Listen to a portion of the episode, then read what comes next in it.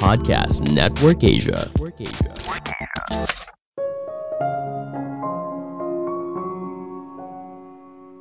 Ketika kamu diminta untuk bicara di depan umum, jangan takut dan yakinkan diri kamu kalau kamu punya sesuatu yang berharga untuk dibagikan.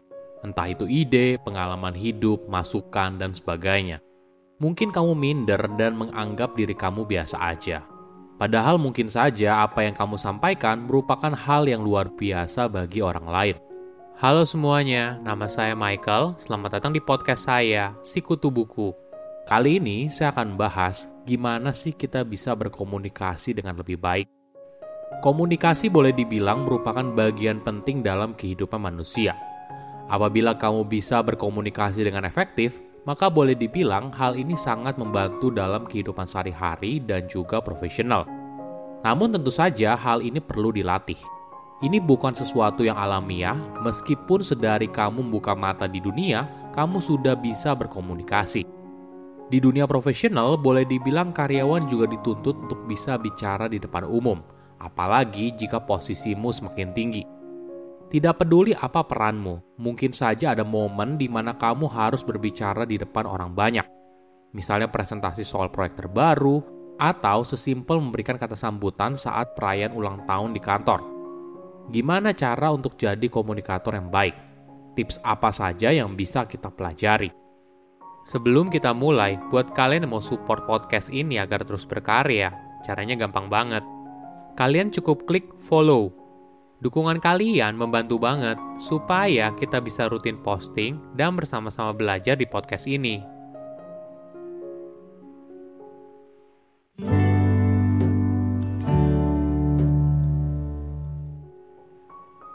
Ketika kita ingin berkomunikasi, apalagi di depan umum, mungkin ada dua hal penting yang harus kita perhatikan di awal. Apa yang ingin kamu katakan dan bagaimana kamu mengatakannya. Sederhananya adalah konten dan penyampaian. Dua hal ini sama pentingnya dan saling menunjang satu sama lain. Istilahnya, content is king, but delivery is queen. Menariknya, ketika kita bingung saat menyampaikan sesuatu, mungkin bukan karena kita tidak tahu cara menyampaikannya, tapi kita yang kekurangan bahan atas apa yang ingin kita sampaikan. Jadi, masalah utamanya bukan pada cara penyampaian, tapi pada konten itu sendiri. Tips lain yang menarik adalah ketika kamu berbicara, entah hanya berdua atau di depan orang banyak, ada satu hal yang harus konsisten kamu lakukan agar orang lain mendengar apa yang ingin kamu sampaikan dan punya pandangan yang lebih positif. Tersenyum Senyum akan membuat suasana lebih cair. Orang lain akan cenderung menurunkan pertahanan dirinya ketika di depan kamu. Selain itu, kamu juga dianggap sebagai orang yang menyenangkan dan ramah. Itu adalah awal yang bagus untuk memulai sebuah percakapan. Satu hal yang perlu dipahami, komunikator yang baik itu bukan hanya soal bicara, tapi juga soal mendengarkan. Mereka adalah orang yang bisa tahu kapan harus bicara, kapan harus diam mendengarkan Hal ini penting karena kita tidak mau terlihat seperti kaset rusak kan, mengulang sesuatu terus-menerus tapi tidak ada yang mendengarkan. Lebih baik kita diam dan dengarkan apa yang orang lain ingin sampaikan. Nah, dari situ kita baru tahu apa sih yang sebenarnya menjadi keluh kesah mereka, apa sih yang mereka inginkan, barulah kita bisa memberikan informasi yang tepat. Menariknya, bukan hanya apa yang terucap, tapi juga sesuatu yang tersirat juga perlu kita perhatikan. Tidak semua hal itu 100% terlihat di permukaan. Kita juga harus peka dan jeli dalam membaca situasi. Misalnya kita bisa membaca bahasa tubuh seorang apakah mereka sedang dalam posisi yang nyaman. Bagaimana reaksi mereka saat kita menyampaikan sebuah ide. Apakah mereka tertarik atau malah mereka tidak suka. Perlu kita pahami, tidak harus 100% setuju atas apa yang kita sampaikan setiap orang tentunya punya pandangan yang berbeda. Dan mungkin saja apa yang mereka percayai dan yakini berbeda dengan kita. Hal ini tidak masalah jika kamu tidak berhasil meyakinkan mereka, cobalah untuk cari jalan tengahnya. Mungkin saja pada akhirnya kalian menemukan sesuatu yang bisa menjadi titik awal untuk sebuah kecocokan.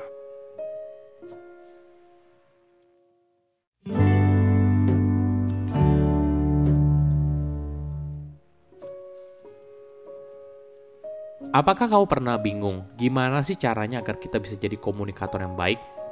Jadi apa yang kita sampaikan bisa diperhatikan oleh orang lain.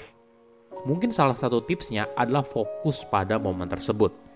Jangan hanya fokus pada apa yang ingin kamu sampaikan, tapi juga fokus pada siapa yang mendengarkan. Ada sebuah riset yang menarik. Jadi, ada sekelompok musisi orkestra simfoni dan mereka diminta untuk memainkan sebuah simfoni tertentu. Di eksperimen pertama, mereka diminta untuk bermain sebaik mungkin. Sedangkan di eksperimen kedua, para musisi diminta untuk fokus pada sesuatu yang baru di momen tersebut. Apakah ada nuansa baru yang kamu temukan pada saat memainkan simfoni tersebut atau tidak? Selanjutnya, sekelompok orang diminta untuk mendengarkan kedua jenis lagu tersebut dan memilih mana versi yang mereka sukai.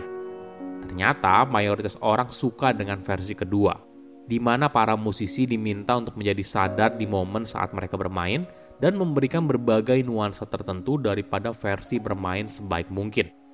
Menariknya lagi, manfaat ini tidak hanya dirasakan oleh si pendengar, tapi bagi si musisi. Mereka juga lebih menikmati permainan musik di versi kedua. Ini boleh dibilang perbedaan antara seorang orator ulung dan biasa aja. Ketika kamu sedang menjalankan sebuah kampanye, pastinya kamu perlu untuk menyampaikan sebuah pesan berulang-ulang. Lama-kelamaan, mungkin kamu terdengar seperti sebuah rekaman.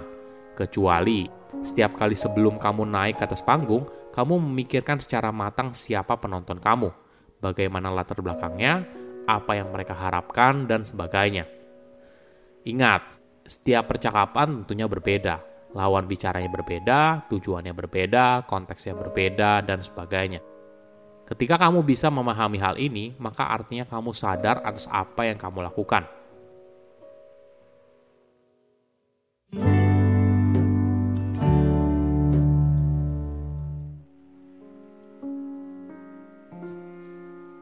Bagaimana caranya agar kamu bisa percaya diri di atas panggung atau saat berbicara di depan umum?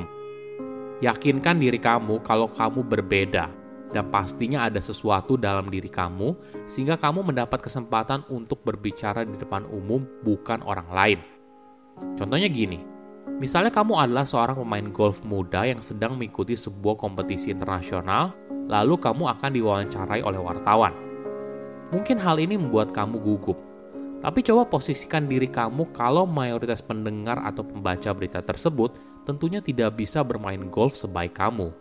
Jadi, jangan minder dan merasa kalau kamu bukan siapa-siapa dan tidak pantas untuk diwawancarai. Coba gali apa yang orang lain ingin dengar. Tentunya mereka ingin mendengar seorang yang bekerja keras, bertalenta, dan pantang menyerah dalam mengejar mimpinya. Itu yang mayoritas orang inginkan. Mereka ingin menjadi pribadi yang lebih baik. Nah, dengan mindset tersebut, kamu bisa jadi lebih percaya diri karena kamu punya poin positif yang ingin kamu bagikan kepada orang lain. Jangan lupa, kamu harus tetap jadi dirimu sendiri. Tentunya, kita tidak ingin melihat atau mendengar seorang yang terlihat palsu atau kaku, kan? Tapi kita suka dengan seorang yang terlihat merupakan diri mereka apa adanya. Mungkin contohnya adalah coba kita lihat Pak Jokowi. Beliau punya gaya yang berbeda dibandingkan politisi pada umumnya. Tidak heran dirinya yang awalnya berasal dari kota kecil lalu terpilih jadi gubernur Jakarta, kemudian akhirnya bisa jadi orang nomor satu di Indonesia. Saya undur diri, jangan lupa follow podcast Sikutu Buku. Bye-bye.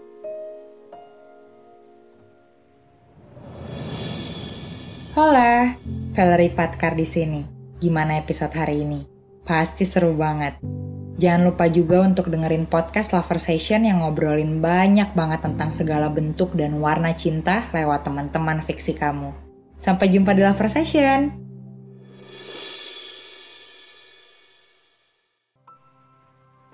Pandangan dan opini yang disampaikan oleh kreator podcast, host, dan tamu tidak mencerminkan kebijakan resmi dan bagian dari podcast Network Asia. Setiap konten yang disampaikan mereka di dalam podcast adalah opini mereka sendiri dan tidak bermaksud untuk merugikan agama, grup etnik, perkumpulan, organisasi, perusahaan, perorangan, atau siapa pun dan apa pun.